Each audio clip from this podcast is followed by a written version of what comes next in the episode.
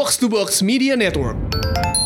Chris Paul itu gue nggak pernah lihat lihat dia off ya dia selalu dia selalu on fire terus gimana pun caranya karena gue ya gue menurut gue the best point guard in the league sekarang adalah Chris Paul menurut gue untuk untuk untuk NBA jadi menurut gue mau bagaimanapun uh, Chris Paul itu pasti udah pasti bagus gitu It was at this moment that he knew he fucked up.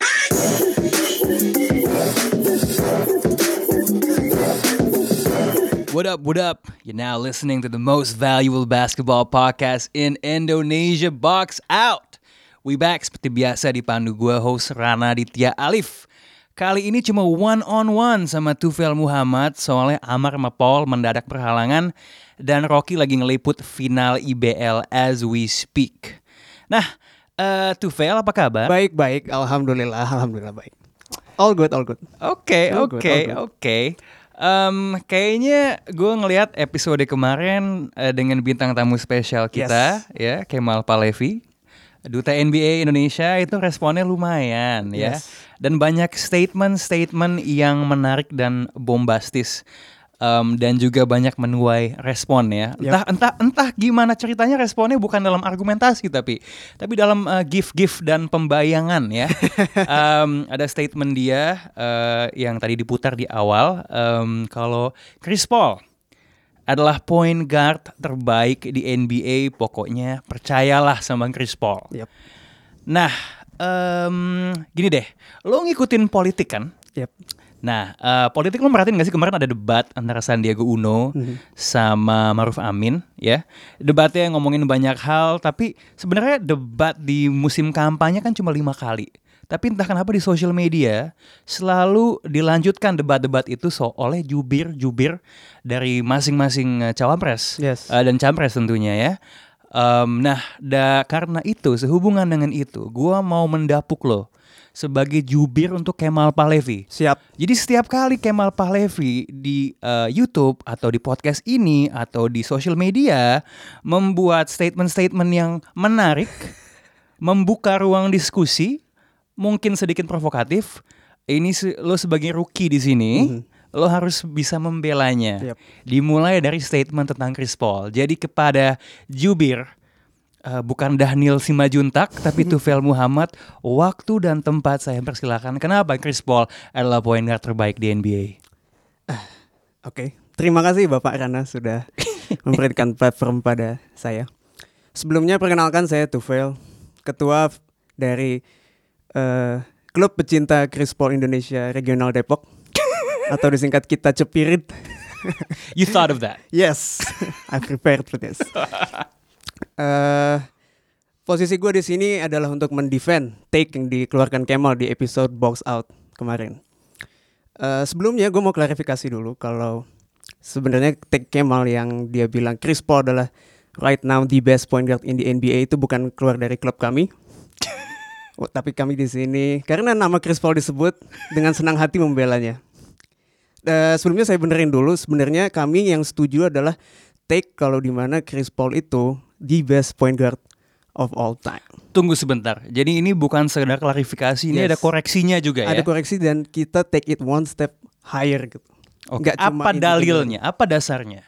Eh, sebelumnya dengan kalau di dunia online e-cash sekarang ada OVO dan GoPay dan dia memajukan cashback biasa 30% tapi maksimal cashback cuma 5000 semua take biasanya ada terms and conditions ya dan kali ini take gua yang gua dukung di tweet gua kemarin dengan memajukan Chris Paul sebagai point guard the best point guard of all time juga punya terms and conditions. Oke, untuk ke depannya soal terms dan condition saya juga mau klarifikasi. Yes. Jangan bawa-bawa brand ya dalam contohnya. ya, kita belum bisa memonetisasi Oh, siap, ini, siap, siap. tapi mungkin itu contohnya. Siap, siap. Silakan lanjutkan. Eh, terms dan conditions dari take gue adalah pertama, kita nggak ngitung cincin di sini. Bu.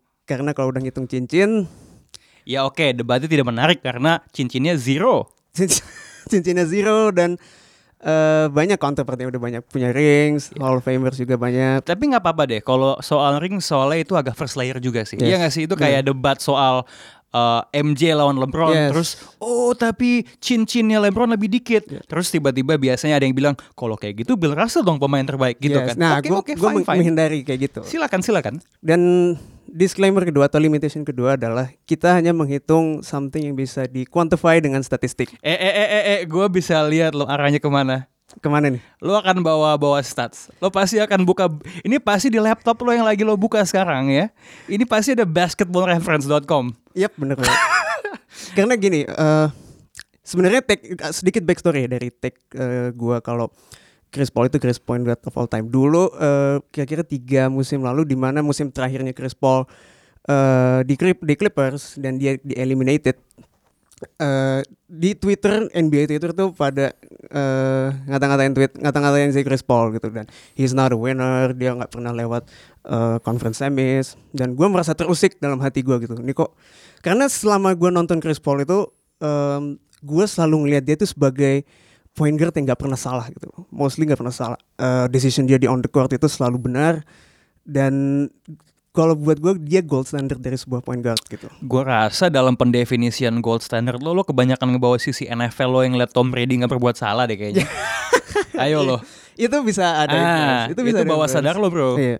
Enggak, tapi gini, eh kemudian dengan gua ngelihat dia eliminated dan dihujat oleh NBA Twitter, gua lihat dong dan gue mikir lagi sebenarnya s- status CP3 Chris Paul ini di perbincangan best point guard of all time tuh kayak gimana gitu. Makanya gue terjunlah ke Basketball Reference Hmm. ngelihat statistiknya. Ini buat jongos basket yang belum tahu basketball reference itu apa, obviously itu adalah situs di mana lo bisa ngulik stats dari kapan pun, Yap. uh, se-advance uh, apa pun ya, Yes. banyak banget metriknya lo bisa bandingin pemain, tim. So anyway, kalau mau berdebat, jadikan ini sebagai salah satu point of reference lo, seperti nama situsnya sendiri basketball reference. Lanjutkan. Ah, setelah gue melihat statistik Chris Paul eh, dan gue compare dengan point guard point guard yang kontemporer atau yang bisa comparable, hasilnya tuh, tuh cukup menarik. Dalam arti Chris Paul ini nggak bisa begitu saja lo lupakan gitu dalam conversation the best point guard of all time. Nah, kali ini gue dan malah malah argumen yang kuat bisa lo bisa muncul kalau dia ini justru better dengan kombinasi beberapa hal yang akan gue jelaskan eh, berikut ini. CP3 menurut gue the best point guard of all time karena ada kombinasi eh, offense, defense, playmaking didukung dengan advanced stats sama uniqueness yang dia punya. Oke, paling lengkap sama terbaik itu dua hal yang berbeda ya. Yap. Oke, lanjut. Yap. Em, sebelumnya kita lihat dulu. Em, CP3 ini career average-nya 18 poin, 19 assist dan 3 turnover kalau nggak salah. 4 4 rebound. Ya, 2,4 turnover sorry. Not bad. Not bad. Kemudian dia itu adalah s- eh, 6 kali steals leaders. 8 time all defense. Ya oke, ya ya oke, gue ngerti dia main uh, two ends of the floor, Yes, two way, two way, two way player. oke, saya tahu itu. Two way player itu. Oke. Banyak kok two way, two way player kok. Oke, betul, setuju gue. Nah, sekarang kita lihat ke offense. Um, offensively, kalau menurut gue, sekarang gue akan compare ini ke beberapa point guard ya. Di antaranya Magic Johnson, yang Ya. presumably adalah the best point guard of all time. menurut Udah, banyak orang. Saya tahu PR-nya di bawah Chris Paul kan. Kita belum ke PR. kita belum ke PR ini. Ini kita belum ke PR. Ada ada ada ada waktunya kita ke PR. Cuma pertama gue mau point out kalau se sepanjang karirnya Chris Paul em, selama dengan metric points per 100 possessions. Wah, nguliknya ada aja di spinnya nih. 100 possession. 100 karena Iya, menit beda-beda, ngerti. I get it. Come on, come on, come on. Ya, lo udah paham lah ini arahnya Iya ke mana. Iya, iya, iya. Chris Paul tuh paling tinggi di antara Isaiah Thomas, Magic Johnson, Steve Nash, John Stockton, dan Jason Kidd dengan Hmm. 27,5 poin. Dengan sebagian besar pertandingan di musim reguler ya. Iya, penting re- regular season benar. Setuju. Oke. Em, kemudian di point offensive rating kita lihat dia ada 123. Mungkin buat yang belum tahu offensive rating adalah sebuah metrik yang mengestimasi produksi eh, tim apabila suatu pemain itu ada di lapangan. Jadi Oke. kalau Chris Paul itu ada 123 offensive ratingnya bisa diestimasi eh, Kri- timnya Chris Paul itu mencetak 1,23 pos- poin per possession dia ada on court. Hmm. Itu di sisi offense. Kita lihat points per, per possession sama offensive rating. Kemudian di, di sisi defense. Sorry, dia tuh bukan 8 time uh, all defense, dia tuh 9 kali. Lo sengaja defense. salah tadi ya? 9 kali all defense, 6 kali steals champions. Kemudian di pemain-pemain yang gue compare tadi, eh, Chris Paul itu punya steals percentage atau persentase possession di mana dia dapat steal itu 3,3 persen. Dia hanya kalah cuma sama John Stockton, which is 3,5 persen. Oke. He's better than Jason Kidd, Magic Johnson, Isaiah Thomas, and Steve Nash. Kemudian dia perlu diingat juga Chris Paul ini adalah active leader in steals. Jadi untuk pemain-pemain NBA yang masih aktif, dia punya steal terbanyak di jumlah 2100 steals.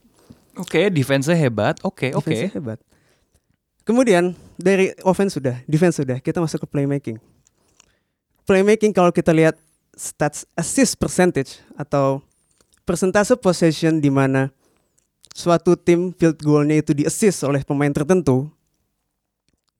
Chris Paul itu hanya kalah sama John Stockton. Oke. 50 dengan John Stockton 50,2 persen, Chris Paul 46,4 persen. Jadi dia nomor dua di situ ya. Nomor dua di situ Oke. gue cuma ball point at. He's better than Steve Nash, Magic Johnson, Jason Kidd, and Isaiah Thomas. Kemudian eh, di sisi playmaking, kalau kita lihat assist, kita juga bisa lihat turnover percentage dia. Turnover percentage dia di antara pemain-pemain yang gak compare tadi, he's the best. Oke, mainnya rapi. Yes, dia mainnya rapi dan he doesn't make mistakes, which my point earlier gitu. Oke, oke, oke. 13,2 poin 13,2 persen eh, per 100 team possession di mana dia, dia turnover bola paling rendah di antara Isaiah Thomas, Jason Kidd, Magic Johnson, Steve Nash, and John Stockton. Nah, turnover percentage ini menarik karena kalau kita compare pemain-pemain tadi, eh, usage rate si Chris Paul ini itu lebih gede, paling gede di antara mereka semua. Jadi artinya Chris Paul eh, turnover bola lebih jauh lebih sedikit, Padahal dia nge-handle possession lebih banyak daripada tim-tim daripada pemain-pemain yang gua compare tadi.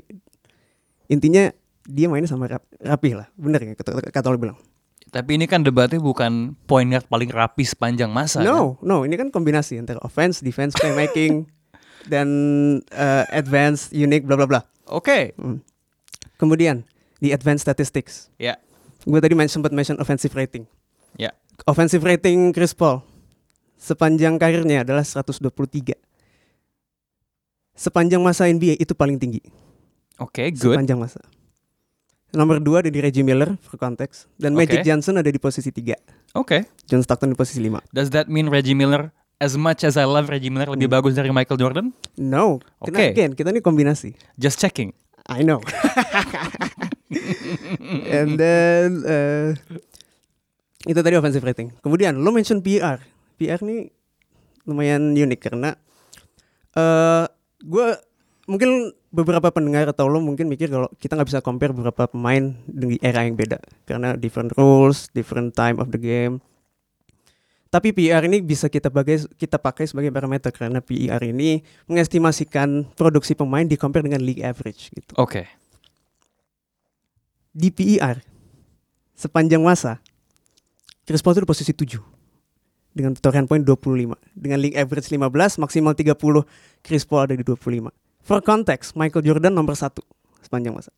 LeBron James nomor 2 sepanjang masa Chris Paul nomor 7 Magic Johnson ada di peringkat hmm mana Magic Johnson Udah deh, lo gak usah so dramatik Ganggu dahi Oke Sang, lo kan bawa-bawa PR Gue punya pertanyaan sama Yes. lo Apakah dengan PR itu artinya Anthony Davis lebih bagus daripada Shaquille O'Neal? no Oke, coba kasih gue peringkat eh, Anthony Davis di mana, Shaquille O'Neal di mana? Anthony, Davis- Anthony Davis peringkat 3 Shaquille Oh O'Neal peringkat wow, empat. oh oh oh, dan and would anybody seriously say kalau Anthony Davis lebih oke dari Shaquille O'Neal? No, again, PR not the only gitu. Ini gue adalah kombinasi hal-hal yang mem- membuat Chris Paul itu ada di jajaran paling tinggi gitu. Oke, so now we know Chris Paul is good at a lot of different things. Yes. Iya kan? Hmm. Tapi kenapa sebuah jack of all trades, Mhm. oke, dengan segala hormat, lebih oke dari Steph Curry? Atau misalnya Russell Westbrook? Nah nggak deh, Steph Curry aja. Hmm. Kayak agak bahaya kalau gue mention Russell Westbrook soalnya. Steph Curry nggak play defense man. ya so, Ke- ketutup nggak dengan scoringnya? Ta- eh, dia nggak dia nggak play make better dengan Chris Paul. Oh iya, the- he compensates dari aspek lain kan? Not that significant tapi scoring juga Chris Paul juga bisa scoring. Oke, dia bisa scoring, tapi kalau buat gue scoringnya Steph Curry gapnya dibandingin Chris Paul is pretty big actually. Eh di toren point per game maksud lo atau Aha. point per possession. Iya. Shooting, Iya, itu kan karena dia karakteristik kan? karakteristik dan again scheme matters dan juga help matters. Nah, ini kan again something yang nggak bisa lo quantify dengan stats gitu loh. 2014, 2015 sebelum ada KD, Steph Mhm. Curry was crazy man. Iya, tapi sebelumnya pas coach Mark Jackson, Oh iya, but he was already starting to ball dan usianya masih muda waktu itu kan? iya tapi dia sering main ISO dan nggak dan nggak dipakai utilize dengan benar Ya sama. kan namanya juga perkembangan. Kan emang Chris Paul masuk NBA langsung gila. Mm, nggak gila juga Iya, sih, come on man, you right? Nggak, maksud gue gini, kalau lo compare sama Steph Curry, oke offense dia lebih bagus, shooting dia lebih bagus. Cuma eh, drop nggak signifikan kalau menurut gue. Oke. Tapi he's a better playmaker, Chris Paul. Ya, assist emang lebih banyak. That that I take emang lebih rapi. Yes. Dan em, Tapi Steph Curry can also dish out assist loh. yes, not better than Chris Paul though. Oh iya, cuman Empat tahun terakhir, so, compensate. yes. Tapi Dr- nggak, for context, em- empat tahun terakhir assist per gamenya Draymond Green itu lebih gede daripada Steph Curry gitu. The flow of the offense. The flow of the offense. Oke. Jadi kalau menurut gue, he's not uh, again. Ini bukan si Steph Curry a bad playmaker, no. Tapi Hmm. kalau di compare dengan Chris Paul, I will take Chris Paul as a playmaker gitu. Dengan assist lebih banyak dan turnover lebih dikit. Oke, if you're building a team, main di satu lo ambil Chris Paul apa Steph Curry? Um, tergantung. Hey, come on, you gotta back your horse, man. No, tergantung. Oke, second point dari gue ya. Mhm. Playoff performance. Seberapa sering ada vintage performance dari Chris Paul? Gue di memori gue, gue hanya bisa mengingat game 5 di lawan Utah, Hmm. close out game, dia main buat Houston. Coba lo uh, animasikan ulang kembali ingatan gue yang hilang ketika dia main di New Orleans, yang nggak pernah lewat dari conference uh, semifinals itu. Oke, lo bring up playoff performance. Gue Hmm. tahu itu adalah satu minus dari Chris Paul. Because it's not just about 82 games, it's about playing in the games that matter. Yes, gue juga pengen tanya ke lo. Siapa teammate Chris Paul di New Orleans Hornets yang paling jago? David the Man West, man. Setuju, David The West. assassin. Yes. Terus kalau kita compare dengan point guard point guard lain yang sukses di playoff Steph Curry, Eh, Magic eh, Johnson. abis itu kan dia ke Clippers kan? Yes, siapa? You got Blake, man. You think Blake is better than Clay Thompson and Kevin Durant? Lah, but Steph Curry, who was already good before ada Mhm. Kevin Durant, I No, take Tapi ada masanya di mana Blake was at least on the same pedestal sama Clay, and now maybe Blake is better. Iya nggak? be- eh. Blake better than Clay? At the moment, Clay is a shooter. Nah, nah, I'll take Clay, man. Well, Blake is more complete. He, does he play defense though?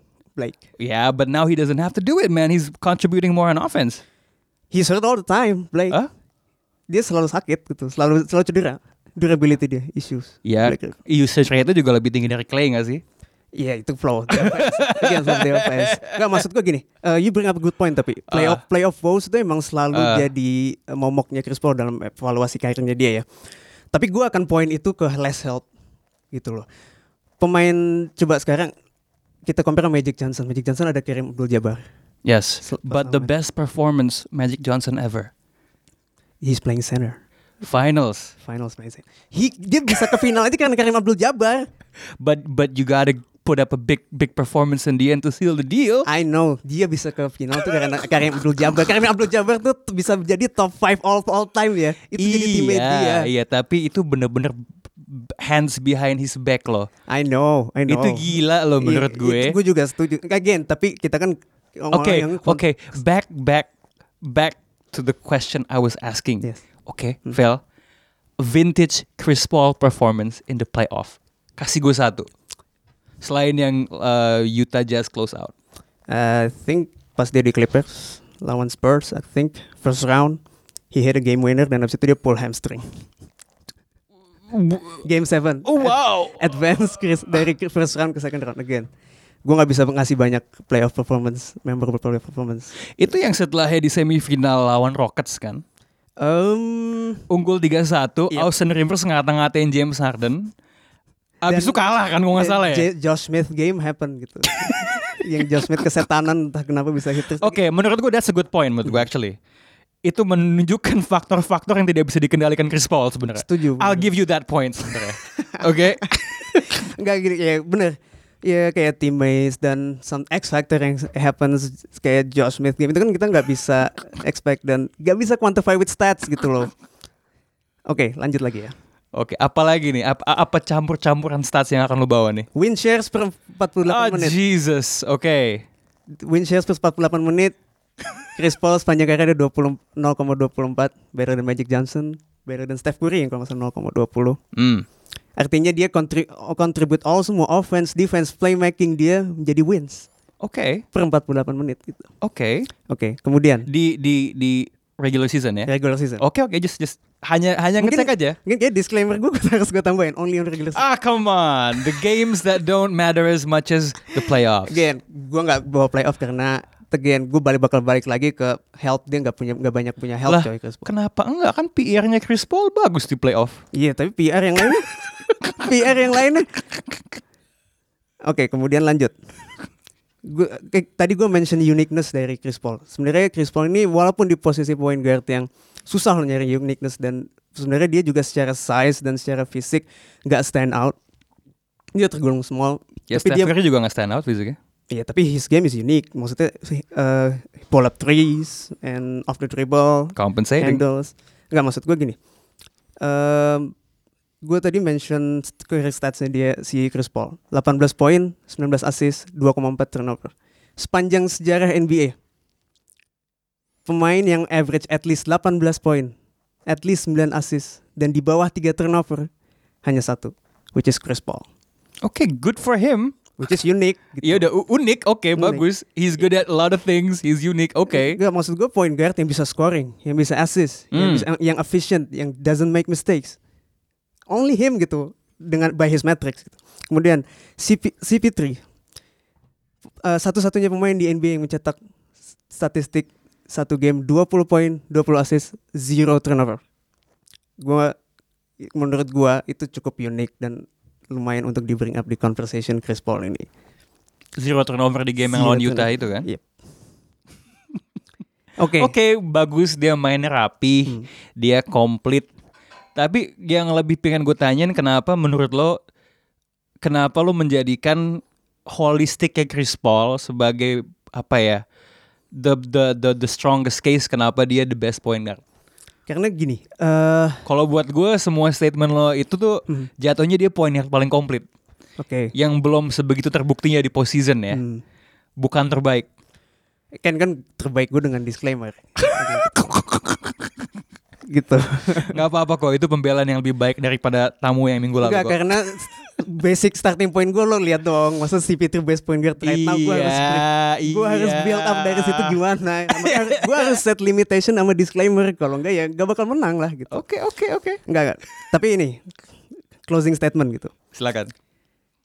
Gue gua akan menekankan lagi menurut gue kalau Chris Paul itu the best point guard of all time with kalau kita nggak count rings dan kalau kita hanya quantify stats.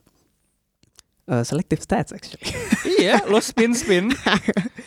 Kemudian eh di kombinasi antara offense, defense, playmaking, and efficiency tuh gitu. Tapi gini, eh, sebenarnya take gue yang the best greatest point guard of all time itu ya tentunya eh, perlu kita rasionalisasi lagi gitu loh. gue kan nggak make take itu dengan baseless juga gitu. Yeah. Dan gue juga nggak langsung ngeluarin itu dengan tanpa pikir panjang. Maksud gue gini, eh, gue ngangkat take itu karena eh sebenarnya kayak si si siapa si Chris Paul ini unik gitu. Sebenarnya kita starting point kita ini udah udah bias sama dia karena dia nggak pernah punya rings karena dia nggak punya playoff performance gitu. Tapi kalau kita take out itu semua dan kita lihat statistiknya, case yang kuat gitu bisa kita bangun kalau at least be ada di conversation of the best point guard of all time. Gitu. Dan gue nggak yakin ada case kayak gini lagi selain CP3 yang statistically mungkin bisa dianggap better dengan kontemporer mereka, tapi dia nggak punya eh tapi reputasi dia tuh nggak sebagus pemain yang punya cincin dan playoff performance. What you're saying is when everything is said and done, dia akan masuk conversation. Kalau seandainya sampai akhir hayatnya dia nggak dapet satu ring pun, dia akan ada dalam conversation the best player to never win. You can say that. I see. You can Oke. say. Kalau itu gue setuju. anyway, Yep. a good defense. Yes. You got the numbers, you brought the facts, man. Yeah, I did my best. Oke, kita lihat eh, begitulah pembelaan Chris Paul sebagai point guard terbaik sepanjang masa. Setuju atau enggak? Tolong tweet ke @box2boxid. Please jangan pakai GIF. Mention juga gue lah ke Iya, dengan gifts biar ada eh, engagementnya ya, Yes. ada interaksi. Gue enjoy sih gifts-gifts yang gue dapet pas gue bilang nge-tweet itu. Gokil. Gue gak pernah sih kayak gitu. Kebanyakan GIF-nya isinya muka-muka point guard ya. Yep. Nggak ada argumentasi ya tapi. Yes. Em, kita lihat ya minggu depan atau kapan ini Kemal Palevi ada hot take apa lagi. Eh, kayaknya kalau Chris Paul tuh lo emang udah agak eh, megang ya. Disclaimer, semua yang dia baca tadi adalah part dari sebuah artikel di Medium to Fail yang membuat gue nge-hire dia sebenarnya ngajak dia ke box to box. Satu hal yang menurut gue lebih konstan daripada statsnya Chris Paul yang dielaborasi sama Tuchel adalah keberhasilan San Antonio Spurs masuk ke playoff. Kita akan membahasnya di segmen 2.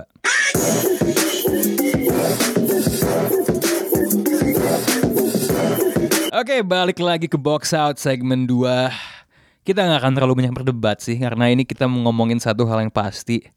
Di awal musim, kita kira, oh will this be the season di mana San Antonio finally gak masuk playoff? Eh, tahu-taunya LeBron James yang gak masuk playoff. How? Um, Spurs. Yep. Ternyata nggak mati-mati. Um, ini ada kutukan box out dikit karena di saat podcast ini direkam tadi pagi Spurs akhirnya kalah, tapi sebelumnya menang 9 kali berturut-turut dan akan masuk ke postseason. Ini dari match up sebenarnya dia bakal ketemu siapa, Vel? Eh, dia ini sekarang di posisi 6. Yap. 6 kalau nggak salah 3 itu ada dipegang Port Portland. No no.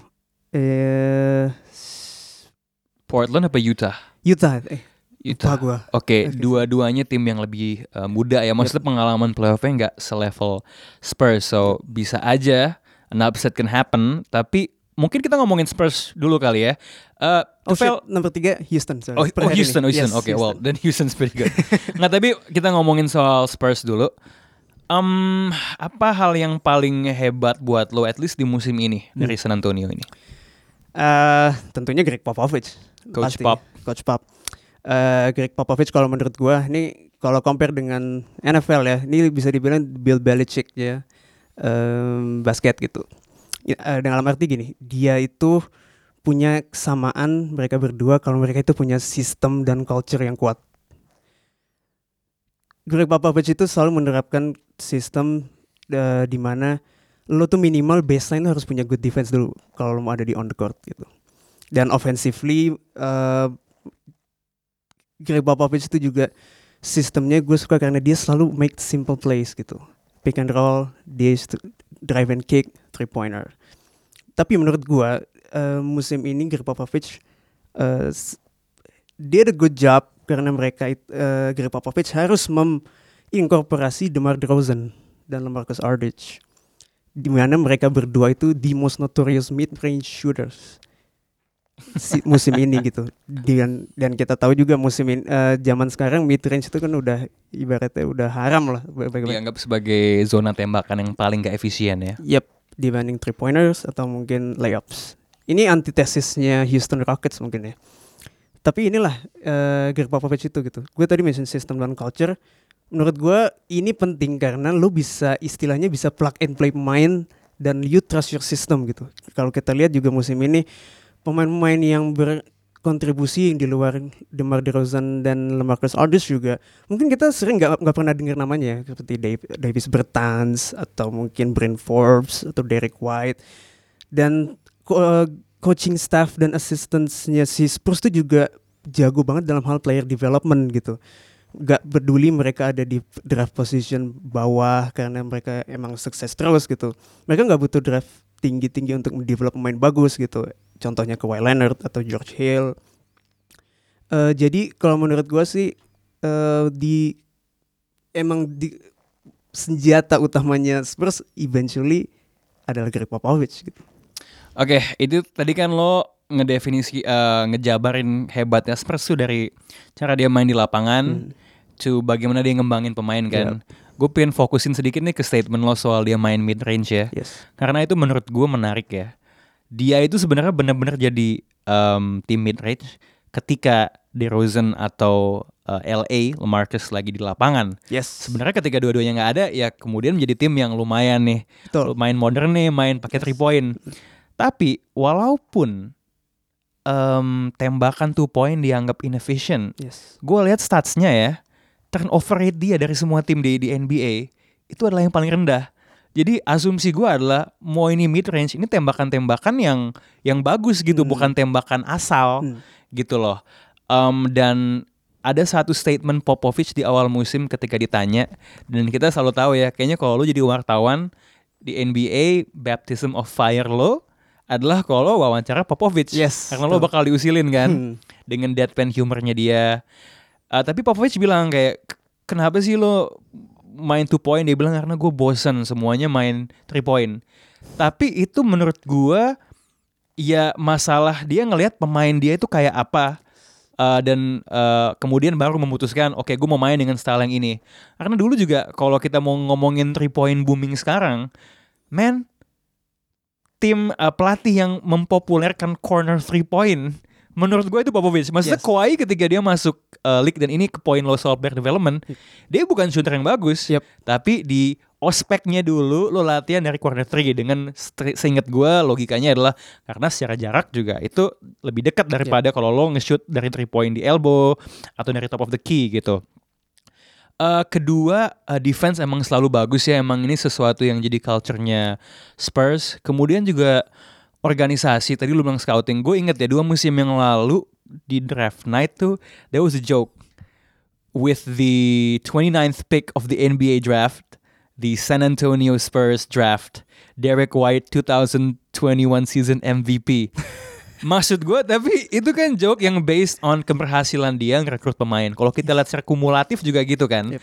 Dari eh, 2000-an lah.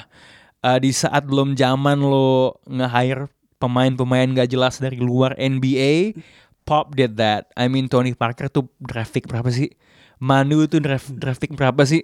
Semua pemain-pemain ini kemudian dikultivasi dalam sistemnya eh, San Antonio dan Pop uh, and it worked well. Dan menurut gua ya kita selalu ngebahas soal gimana em, di NBA itu lo nggak bisa dui fungsi. Ya kan, Doc Rivers nggak bisa jadi GM sekaligus pelatih. Stan Van Gundy di Detroit juga nggak bisa. Tapi dari apa yang gue baca, walaupun GM-nya itu kan RC Buford ya di Yeah. Spurs ya. I'm under the impression kata orang sebenarnya yang run the show itu tetap aja pop gitu. Jadi walaupun dia tidak di kartu namanya itu GM, bisa dibilang dia juga sangat aktif dalam membangun rosternya sendiri gitu. Dan uh, in a way mungkin mungkin di situ ad- dia sebenarnya diam-diam contoh dui fungsi yang berhasil Yes. gitu.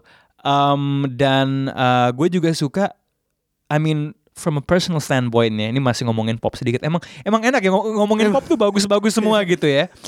Maksudnya dari segi pemain juga, gue ada yang pernah ngomong kalau gini, kalau lo rings oke lah paling hebat Phil Jackson gitu. Tapi kalau lo mau tim itu overachieve dengan pemain yang B aja B aja, ya itu coachnya should be Greg Popovich. Yes. Dan kalau lo gue liat rosternya, gue sedikit banyak, uh, gue percayakan hal itu. Dan satu hal lagi sih, um, he is one of the wokest guys Yep. in the Yes, league gitu. sama Steve Kerr. Sama Steve Kerr ya. Yep. Dari segi isu-isu yang dibahas, ini ini sebenarnya intermezzo sih, coolness aspeknya aja Yes. gitu ya. Um, I love the fact kalau dia itu inklusif. Kalau kita lihat asistennya ada Ettore Messina, Yes. ya kan orang uh, Italia ya. Udah sukses di Euroleague. Yes. Uh, dan kemudian Becky Hammond sih. Becky Hammond. Gue gua gua pengen banget ngelihat. I, I think it's gonna be really cool kalau uh, one day uh, Becky Hammond bener-bener bisa jadi pelatih. Uh, ya emang kan dia sempat interview buat Milwaukee ya. Iya. Tapi ya Mike Butt juga. Uh, nah, coach Papa. nah itu maksudnya di dalam konteks itu dia kalah sama Butt yang emang pelatih bagus gitu. Tapi itu dia yang kedua. Sama halnya kayak tadi lu bilang soal Belichick di NFL. Semua coach yang hebat tuh punya istilahnya coaching tree Betul. anak bekas anak-anak buahnya itu jadi pelatih yang bagus atau official yang bagus. Kayaknya lo inget yang wa- waktu ada si Ivan gak sih? Mhm. Jangan kan pelatih bagus deh, dia bilang eh, si si Steve eh, Sean Marks. Sean Marks ya. Bekas anaknya dia nggak cuman di back office pun jadi oke. Siapa lagi ya yang notable? Ada Bud, Ada Bud, ada Sean Marks tadi, ada eh Brett Brown tuh juga di bawah Brett dia. Brown ya. Ya. Eh, si Mike Brown Mike Brown. juga juga pernah di bawah dia. Banyak sih maksudnya lo bisa bikin satu cinematic universe, coaching, coaching universe sendiri gitu. Di bawah di bawah Popovich gitu loh. Maksud gua gini, kita bisa lihat Phil Jackson ketika jadi GM nggak terlalu bagus kan. Uh, walaupun mungkin di situ juga harus dipertimbangkan organisasi cutthroat. But you know what dengan apa yang dia capai di San Antonio, gue percaya Popovich kalau jadi GM he's gonna be good gitu loh. Um, dan mungkin agak disayangkan juga kali Vel ya. Um, belum ada ke- kejelasan apakah dia akan tetap dia akan tetap melatih coach ya. ke coach uh, musim depan. Kita udah banyak ngomong soal bagus-bagusnya Spurs. Lo melihat ada chink in the armor nggak sisi lemahnya uh, Spurs? Lemahnya dia musim ini tuh Spurs di road tuh mereka nggak bagus. It's really bad, different team entirely. Different ya. team entirely kalau di dan kalau menurut gua em, itu sebuah satu ini yang berbahaya gitu loh bawa bawa bawa road records yang jelek itu ke playoffs gitu. Tapi eh, kalau gue ya rumus gue pribadi kalau regular season lo nggak perlu khawatirin Spurs. Hmm. Kalau playoff udah mulai baru lo nonton Spurs gitu. Itu kebalikannya Chris Paul ya. Gokil emang Kemal nih. Sampai gue masih ini loh. Eh, dan kalau di playoffs, em, gue percaya kalau Greg Popovich itu bisa eh formulate a game plan lawan siapa pun gitu. Dan kemarin lawan Golden State, kalau menurut gue itu merupakan satu showcase what Popovich can do gitu. Dia ngapain tuh adjustmentnya? Jadi kalau di gua kalau gue lihat sepanjang game dia itu rela ngasih open three pointer ke Draymond Green. Bener-bener ditinggal abis. Dan lo kalau lihat position position terakhir itu adalah karena si Draymond Green itu miss. Banyak ada miss three pointer setelah ditinggal wide open di eh, three point line. Dan kalau lihat statistiknya di NBA.com itu udah lihat Draymond Green ini musim ini di shots yang dikategorikan wide open wide open three Bapuk. 29 persenan. Kayak lagi make tas ya shootnya. He shoot with the backpack. on. itu maksud gue eh match up yang di eh, sorry, advantage yang dipunyai Spurs begitu masuk playoffs itu adalah Popovich karena dia bisa formulate game plan. Tiga tahun lalu kalau nggak salah dia itu adalah pioneer eh, defensive game plan untuk menghadang James Harden. Jadi di playoff itu kalau gue nggak salah inget dia un- pokoknya setiap pick and roll yang dilakukan James Harden eh untuk pick and roll defendernya yang ball handler dia akan go over yang akan men- men-trail James Harden dari belakang dan big man yang menjaga pick and roll roll man-nya yang kalau nggak salah sering itu si Pau Gasol dan Dwayne Dedman pada musim itu itu mereka jaga space yang lumayan eh, dekat tapi nggak smother juga dan dan Popovich menginstruksikan spesifik big man untuk hands up. Ta- dengan begitu dia bisa. Yes, get vertical dan dengan begitu dia bisa mengcontain drive-nya James Harden ke rim. Tapi di saat yang sama dia eh, juga menyarankan untuk tidak memfoul James Harden gitu loh. Itu menurut gua satu match up yang sangat spesifik dan sangat apa ya? sangat detail gitu loh. Dan itu pun ditiru sama tim-tim yang lain mulai musim depannya gitu. Itu kalau menurut gua itu salah satu formula eh, game plan yang bisa dia keluarkan di eh, playoff gitu. Jadi kalau menurut gua kalau lo playoff dan lo melihat Spurs lawan tim yang mungkin di atas kertas lebih bagus dari dia, which is Warriors atau punya sistem yang unik kayak Houston, itu kalau gue saranin sih lo lihat bagaimana Popovich meredam offense-nya Warriors atau meredam James Harden gitu. Lu lagi bener-bener ini ya merayakan perbandingan Popovich sama Belichick ya. Yes. Taking away the opponent's best weapon gitu ya. benar benar. Nah tapi kembali ke poin lo karena lo contohnya lawan em, lawan Rockets ya. Iya. Waktu itu kan Harden belum ada. Ini gue akan bela jagoan lo dikit nih. Belum Hmm. ada Chris Paul waktu itu kan. Kalau sekarang kan gitu kan. Apa? Walaupun sebenarnya Chris Paul sama James Harden lebih sering di stagger ya. Iya, benar. So apakah counter counter strateginya adalah Hmm. dua-duanya dimainin? We don't know if that's a good idea. Yang jelas Michael D'Antoni rekornya nggak bagus ya Yes. lawan uh, Popovich ya. Ya, em, apalagi ya? Eh, gue juga musim ini terkesan dengan eh nggak cuman dia main dengan mid range game ya, tapi point guardnya pun kan cedera ya. Yep, the John Temer. The John Murray, um, he's out, and then tiba-tiba yang kita bilang tadi Derek White, he can step up his game ya. Yes. The Spurs way lah itu istilahnya. Dan kalau dilihat sebenarnya ke depannya depth dia di point guard itu cukup oke ya. Mhm. The Jonte, Perry Mills, Derek White, sama Bryn Forbes Bryn ya. Forbes, yes. So jadi going forward tuh lumayan banget sih. Hmm. Dan gue yakin juga Spurs bisa ngambil main League dia develop terus Di bisa Austin langsung- Toros. bisa jadi kontributor sih. Justru mungkin kalau buat Spurs League itu bukan ah pemain yang nggak dapat waktu gue buang enggak. Hmm. Justru itu benar-benar dia manfaatin Yes. jadi semacam iya minor club dia Yep. lo di gambling di sini dulu. Oke, cuman sayang sih maksudnya. Tapi em iya terlepas dari kehebatannya Popovich, gue tetap ngerasa em, ketika lihat road performance mereka eh, defense-nya turun banget gitu ya. Eh, eksekusinya nggak serapih em, di home dan itu sih yang memang jadi eh, limitasi dia yang yang yang mungkin juga bikin yang bikin Spurs musim ini walaupun hebat konstan pastinya eh, dan gue gue rasa lo setuju dengan ini belum bisa lo masukin di conversation yang sama dengan Yes. dengan dengan tim-tim yang lama ya yang yang dua gue gua gua agak sayang sih kalau ngomongin Spurs tuh tim dia yang 2017 ya Mhm. lo inget gak sih yang ketemu Golden State di Western Conference Finals tuh aduh Kawhi waktu itu cedera di game satu ya Game 1 di quarter 3 kalau nggak salah menit-menit awal quarter 3 jump shot di pas dia landing ada kakinya Zaza Pachulia dan dia cedera. Zaza bangke Bangke banget tuh. Tai tuh. Tapi ya maksudnya there are some things yang even the best adjustments nggak nggak bisa. Yes, gitu. karena kalau menurut gua sih NBA tuh udah star driven league. Lo Iya. harus punya one or two stars yang benar-benar bisa take over. And at the top of the league ada pelatih yang juga di, dari coaching tree-nya Greg Popovich kan? Yep, yep. Iya kan? Yang juga jago membuat adjustment juga Hmm. gitu. So ujung-ujungnya ya he created this mess in the first place juga gitu ya. So anyway, itu tim yang ternyata di atas ekspektasi atau mungkin sebenarnya nggak sih? We, we saw this coming lah. Um, tim yang uh, di awal musim diganggu sama cedera, nah menjelang playoff ini ada dua tim yang juga diganggu sama cedera pemain kunci. Kita bahas di segmen 3.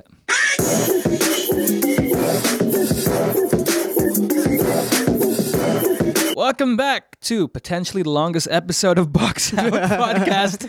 Udah komit soalnya draft topiknya banyak. Em, tadi kita ngomongin soal Spurs, sekarang ngomong soal dua tim yang em, di wilayahnya masing-masing lumayan mencuat lah ya. Yang lebih mencuat di East Milwaukee Bucks, probably the team of the season. Eh, kehilangan seorang Malcolm Brogdon, eh, katanya cedera plaskia, apa sih istilahnya tuh? Torn plasia fight. Iya, bagian kaki. lah pokoknya. Aduh, istilah Latin. um, ini pemain do it all ya, Malcolm Brogdon, uh, quietly having a good season. Um, one of the most uh, unfamous rookie of the years. um, tapi quietly sebenarnya sebelum cedera he was close to musim yang 50 40 90 ya. Yup, 50% field goal, 40% three point dan 90% from line. Hampir hampir kalau nggak salah ya. sudah. Oh sudah sudah ya. di atas. Wow. Oke. Oke ini emang devnya Milwaukee ini gila gitu ya. Cuman menurut lo impact dari cedera ini untuk tim untuk tim ini tuh sebesar apa ya? Em, gini ya, karena sebenarnya ri- ribetnya nih si injurinya Brogdon ini rada lama gitu. Estimasinya kalau nggak salah tuh 8 minggu dan kalau 8 minggu itu berarti akan masuk ke playoff kira-kira second round lah gitu. Second round awal. Nah, kalau ngelihat eh, injurinya Malcolm Brogdon sebenarnya dia ada di backup oleh si George Hill ya yang kurang lebih secara apa ya? Kurang lebih secara game mirip ya which is dia serve as a spot up shooter, a defender sama playmaker. Tapi Walaupun dia nggak akan menciptakan mismatch kayak Brogdon ya. no no. Tingginya beda soalnya Yep. kan. Nah, tapi kalau menurut gua sih emang kalau secara scheme em, Bucks ini kan emang Giannis sentris. Eh, Giannis dengan empat shooters gitu. Dan kalau kehilangan eh, Malcolm Bro- Brogdon berarti dia akan kehilangan eh, guard yang bisa guard multiple positions, yang yang bisa knock down threes at an elite rate di atas 40%. Tapi menurut gue nggak akan signifikan. Karena fitnya di skema si Bucks ini udah terlalu bagus dengan Giannis. Justru kalau menurut gue kalau Brook Lopez cedera baru ini akan ber bawa berbawa petaka kepada Milwaukee Bucks gitu. Tapi gue juga turut sedih ya kepada Malcolm Brogdon karena dia ini akan memasuki free agent walaupun restricted. Dan sebelum cedera lo mention dia he's putting together a 50-40-90 season which is very hard to do. Hanya paling Dirk Nowitzki, Steve Curry, pokoknya elite shooters lah yang bisa melakukan itu. Jadi kalau menurut gue sih uh, it's a not really a blow karena dia secara scheme bisa nge-replace itu dengan uh, comparable production dari George Hill dan paling dia nggak tapi menurut gue di first round juga masih bisa lewat. Jadi kalau menurut gue ya not a big blow. Ya so untungnya isu delapannya bapuk banget ya. itu itu Bucks mau main pakai tim B juga, Yeah. gue rasa masih akan aman-aman aja. ya. Em, cuman yang menarik kalau misalnya dia tidak sembuh eh, cukup cepat untuk round 2 di mana ada kemungkinan menurut gua akan ketemu Boston. Yes. Boston yang selalu hmm, kayaknya nggak meyakinkan playoff, adjustment time, ya mengurangi headache-nya Brad Stevens kalau emang nanti misalnya ketemu Boston ya, gua atau Boston Philly atau feeling gue sih it's gonna be 4-5 maybe Boston Indy dan Boston menang gitu. I hate saying that obviously sebagai fans Pacers but that's what I see happening. Um, so iya sih gue juga setuju dalam artian it's impactful tapi masih bisa ketutup dengan kemampuan pemain yang lain. Um, cuman gitu sih ketika nanti ketemu lawan ke Boston if he's not there yet and Brad Stevens finds a way to sort of um, take away misalnya Giannis gitu dan pastinya pemain-pemain role playernya uh, Bucks ini mesti step up sih. Yep. Tapi that's why they had Gasol, that's why uh, siapa lagi Mirotic masuk di situ gitu kan. Cuman agak sayang soalnya ini dia, dia kan bagian dari itu kan mega big lineup kan Yup. yup. main di satu six foot seven the the longest team uh, in the league. Uh, satu lagi yang cedera yang mungkin uh, lebih signifikan buat timnya dibandingin Malcolm Brogdon ya. Buat Bucks adalah CJ McCollum Yep. buat Portland Blazers. Um, cedera um, dan ini ini kondisi dibandingin Brogdon lebih lebih akut siapa ya? Em, sebenarnya estimasi lebih ringan si eh, siapa McCollum, tapi Aha. lebih uncertain gitu loh. Oh nggak ada kepastian. Nggak ada kapan. kepastian. Nah, jadi cuma bakal di reevaluate dalam seminggu dan setelah itu day to day depends on McCollum feels mungkin main gitu. Tapi eh, sebenarnya impact dari cederanya adalah gimana posisi Portland di playoff sekarang gitu. Karena sekarang mereka lagi di ketat-ketatnya race untuk mempertahankan posisi dia di seat keempat. Itu di, di West tuh di antara 3 sama 8 tuh ketat banget ya. Yap, 3 sama 8 tuh bisa apa ya? Toss up lah di antara. And it's a tricky situation di mana kalau misalnya emang Portland ngejar posisi then ideally you would force McCollum to go in. Yep. Tapi kalau misalnya lu nge overexert dia di sisa-sisa pertandingan ini, bisa aja waktu playoffnya uh, malah bapuk. Yes. Um, dan si Dame juga udah ngomong kan ya, um, gue mending kalau Lillard, eh Dame Lillard, kalau misalnya McCollum nggak nggak main di sisa gitu, mending disimpan buat playoffs. Dan kalau injury ini juga kalau menurut gua impact ke production mereka di starting lineup. Starting lineup-nya si Portland ini itu punya eh, torehan menit kedua paling banyak saat eh, musim ini. Em, 700 something minutes lah si Damian Lillard, si J. McCollum, eh, Mo Harkless, Alvaro Aminu sama Yusuf Nurkic. Mereka itu starting five paling sering main kedua gitu. Dan dengan net rating yang bagus juga plus 6,8 gitu. Mereka cuma kalah sama starternya OKC. Jadi kalau menurut gue ritme starting five mereka itu bakal ber- terganggu dengan cederanya si si J. McCollum. Si J. McCollum sebenarnya bisa di backup sama Seth Curry, adiknya Steph Curry. Dia kalau menurut gue eh, bisa eh, memper- menyediakan skill set yang comparable dengan si J. McCollum. Sebenarnya si J. McCollum pun impact dia di on the court pun eh he's impactful on the offensive end. Cuma defensively kan dia nggak memang ter- nggak terlalu bagus. Jadi kalau menurut gue sih sebenarnya bisa di eh, compensate dengan Seth Curry. Seth Curry pun juga eh, mirip dengan skill setnya dengan CJ McCollum dia bisa run pick and roll, bisa pass out pick and roll, and he's a much better three point shooter si Seth Curry gitu. Tapi ya balik ke poin gue tadi sebenarnya ini akan jauh lebih berpengaruh ke race dia mempertahankan seat keempat di West. Gitu. Um, since lo lumayan bikin, gue gak terlalu ngikutin Portland sebenarnya. Hmm. You made a convincing case about sebenarnya Portland cukup punya backup lah Yes. buat buat si Jimmy McCollum ya. Uh, gue agak kilas balik ke beberapa musim yang lalu di mana ada wacana nih, ini kayaknya Portland nih agak mentok nih. Hmm. Apakah sebaiknya dipecah backcourt McCollum sama Lillard yang musim ini Lillard oke banget gitu ya. Um, where do you stand on that?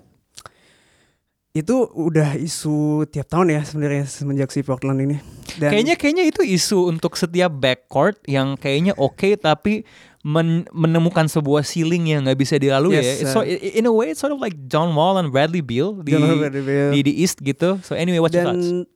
Itu dan juga mereka ini emang sebenarnya gak di antara Dame sama si Jamal McCollum mereka bukan gak ada yang lockdown defender gitu. Malah si Dame, Dame Lillard pun borderline defensive liability kalau di playoff. Itulah kenapa musim lalu lumayan dihajar waktu ketemu New Orleans kan. Yep. They had a hard time melawan Rondo sama Wah, Dan Holiday. those first round exits juga semakin mengencangkan suara-suara itu ya. Hmm. Dan tapi kalau menurut gue ya, hmm, I think they should blow it up. Hmm. Keep Dame, I think you should trade McCollum gitu. Karena menurut gue eh, Dame lebih cocok sama Joseph Nurkic. Tapi kalau secara backcourt gak cocok dengan tipe si si J McCollum karena he doesn't play enough defense to compensate sama eh, being a, stay in being in the same backcourt with Damian Lillard karena em, mungkin kita bisa lihat ke uh, pemain tim lain kayak macam Houston atau macam Milwaukee gitu. Se- Sebenarnya lu cukup butuh satu pemain and you build a right system around him. Itu bisa proven kalau lu bisa sukses both di regular season atau di playoffs. Gitu. Itulah yang gak terjadi sama Chris Paul ya. Uh, less help, nggak ada help. Chris Paul nggak punya help. I'ma just keep bringing it up. okay, okay. So you're thinking about blowing up. I can see. Kalau kalau buat gue it's just ke- karena ya kembali ke Portland ini mau sejauh apa sih gitu. Hmm. Gue nggak melihat the best version of Dame and McCollum. Yep. Gue nggak tahu kalau Gamal punya pendapat lain ya sebagai fans Portland ya. Yeah. Um, gue nggak bisa ngeliat tim itu winning an NBA. Menurut gue championship gitu. Even ketika udah bukan eranya Golden State. uh, Golden State gitu. So anyway, um, kita kayaknya kita udah ngomongin NBA hampir sejam ya. Kayaknya udah saatnya kita ngomongin turnamen-turnamen lain yang tidak kalah serunya di segmen 4.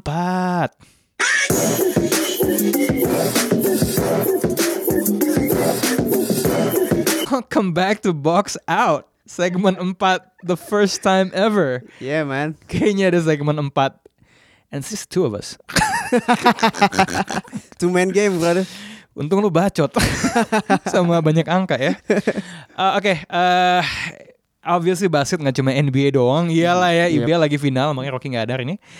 Um, ini yang heboh lucunya ya kalau ngomongin turnamen yang satu ini tuh bukan grup NBA tau gak lo. Hmm. Gue tuh di grup NFL Indo adminnya bacot banget soal bracket NCAA tournament. Ini kalau buat yang belum tahu, uh, di bawah jenjang profesional NBA ada collegiate NCAA Uh, dan setiap uh, akhir musimnya di bulan Maret dimulai uh, semua uh, tim-tim unggulan dan pemenang conference uh, mahasiswa yang banyak banget itu dipertemukan dalam satu NCAA National Tournament di mana 68 tim ketemu untuk mencari satu pemenangnya. And kehebohannya sangat luar biasa menurut gue kadang-kadang it's more daripada NBA Finals. Bahkan stadium-stadiumnya, I mean biasanya finalnya di stadium American Football. Gue gue actually maaf ini gue kurang tahu soal subjeknya sebenarnya tapi gue belum ngecek tahun ini final exactly di mana. But you would have finals di uh, stadium uh, Dallas Stadium misalnya kan, tempat-tempat yang gede heboh banget, and that's why it's called March Madness. Dan tadi ke poin gue soal grup NFL, biasa nih ada ada istilahnya bracket challenge ya, Yes. kayak eh, 68 tim ini disusun, lo bikin bracket lo, lo memprediksi siapa yang bakal menang. Sayangnya gue gak terlalu ngikutin secara detail. Ini harus kita bahas karena banyak banget yang ngomongin. Kita akan menjadi media basket yang tidak legit kalau misalnya nggak kita bahas. Um, let's just talk about tim yang orang tuh udah ngelihat, okay, this is his this team is going to be the favorite, strong favorite. Duke, Duke. Duke man, Zion Williamson, Zion Williamson. R.J. Barrett, RJ Barrett. Cam Reddish, Tim Reddish. Trey Jones. Mm, yep. Ini salah satu tim NCAA best of all time. Yes. Mm, Nggak tahu gue. Gua Susah ki- kita kita nggak punya data kayak Yes. kayak data lo soal Chris Paul tadi ya. Data with disclaimer. Oke, ini udah empat kali, jadi gue gak akan bawa Chris Paul lagi. Oke, cuman em, lo dari snippets yang lo lihat prospek-prospek di Duke ini Hmm. dalam konteks sebenarnya nggak cuma di NCAA tapi menjadi eh, apa namanya em, pemain NBA? Is it nuts? Yeah man, Eh, tentunya dipimpin sama si Zion ya. Hmm. Zion I think he's a once in a generation player.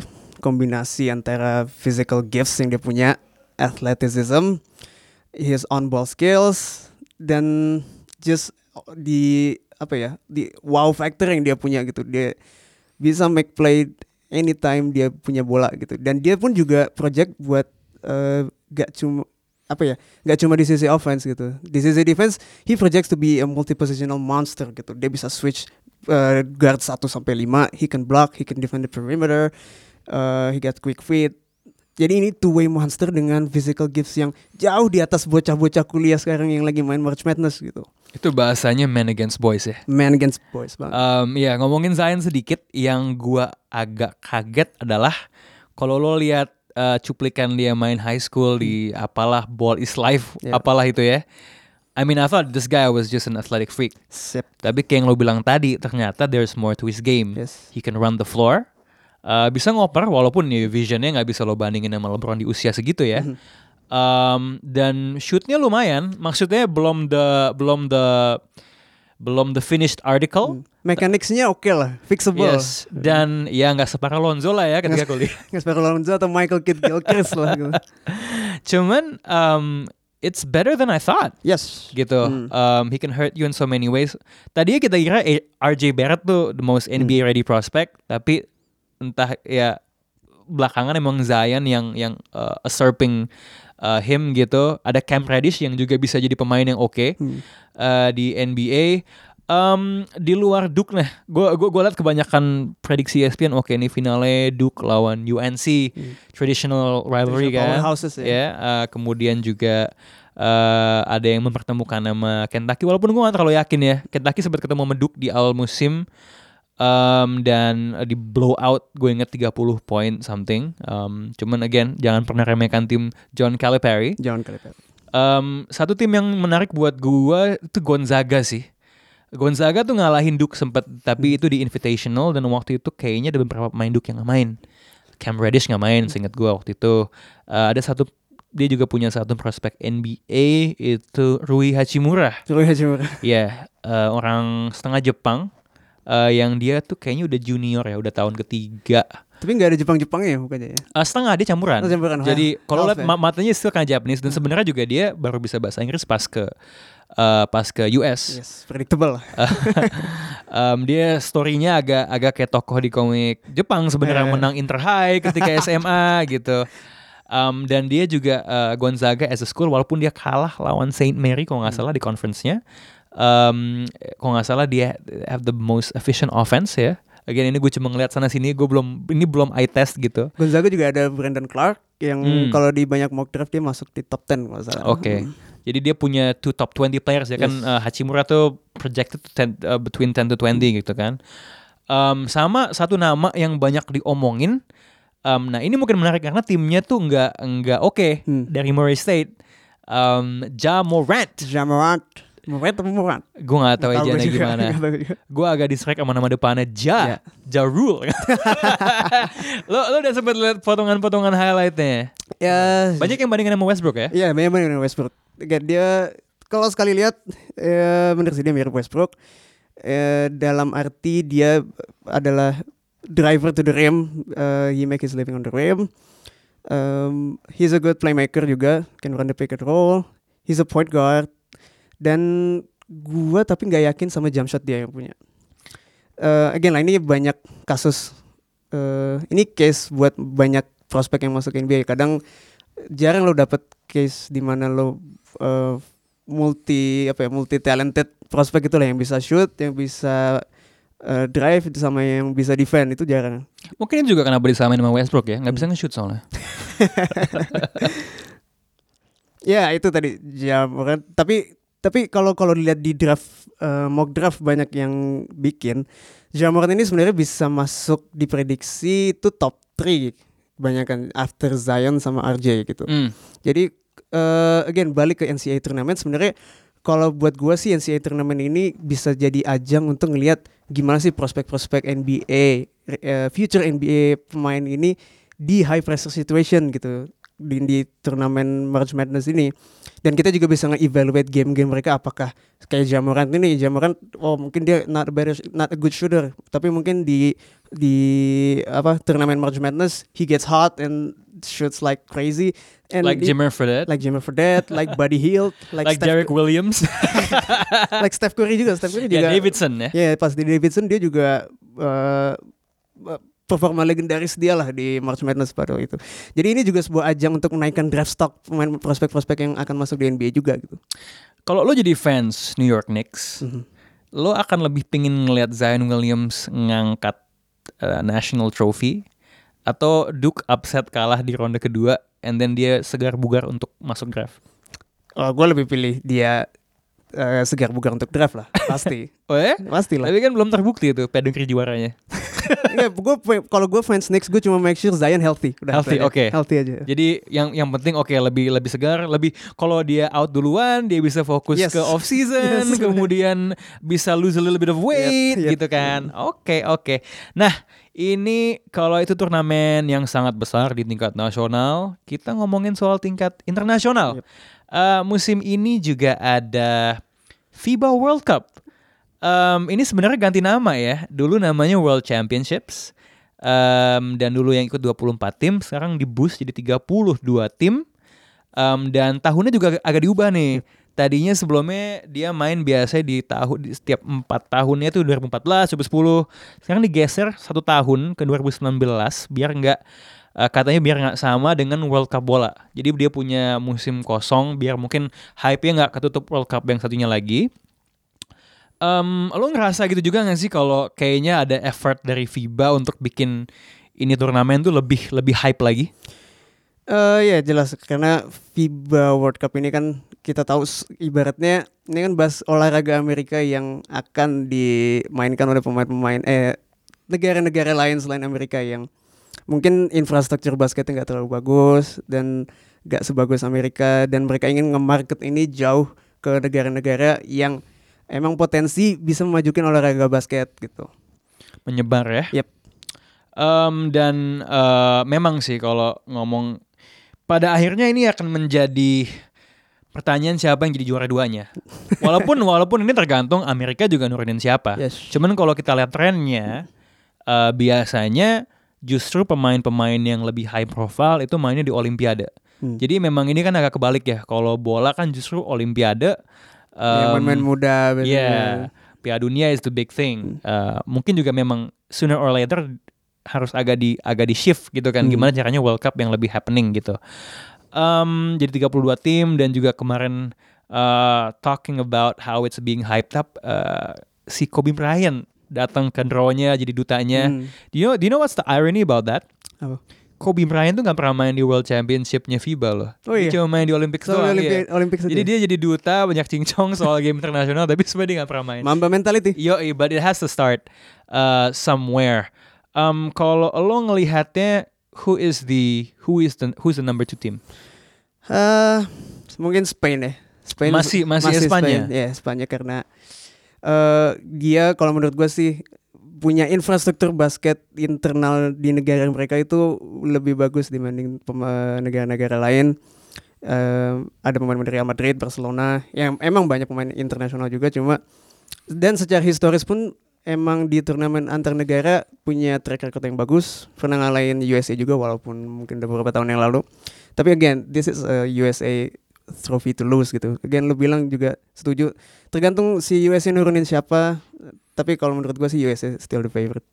Ya, Spanyol kalau kita lihat di turnamen sebelumnya salah satu alasan yang banyak di side orang kenapa dia lumayan bisa ngerepotin Amerika selain NBA uh, playersnya karena make upnya tuh dia punya dua big man, Yep. Uh, tiga tambah Ibaka kan The Gasol Brothers. Nah, gue ngelihat salah satu penantang yang cukup menarik terhadap uh, kedikdayaan Amerika adalah Serbia Hmm. yang dia peringkat 4 di dunia dan juga punya uh, nilai kuat di big man ya. Nikola Jokic, uh, backupnya siapa? Bobby.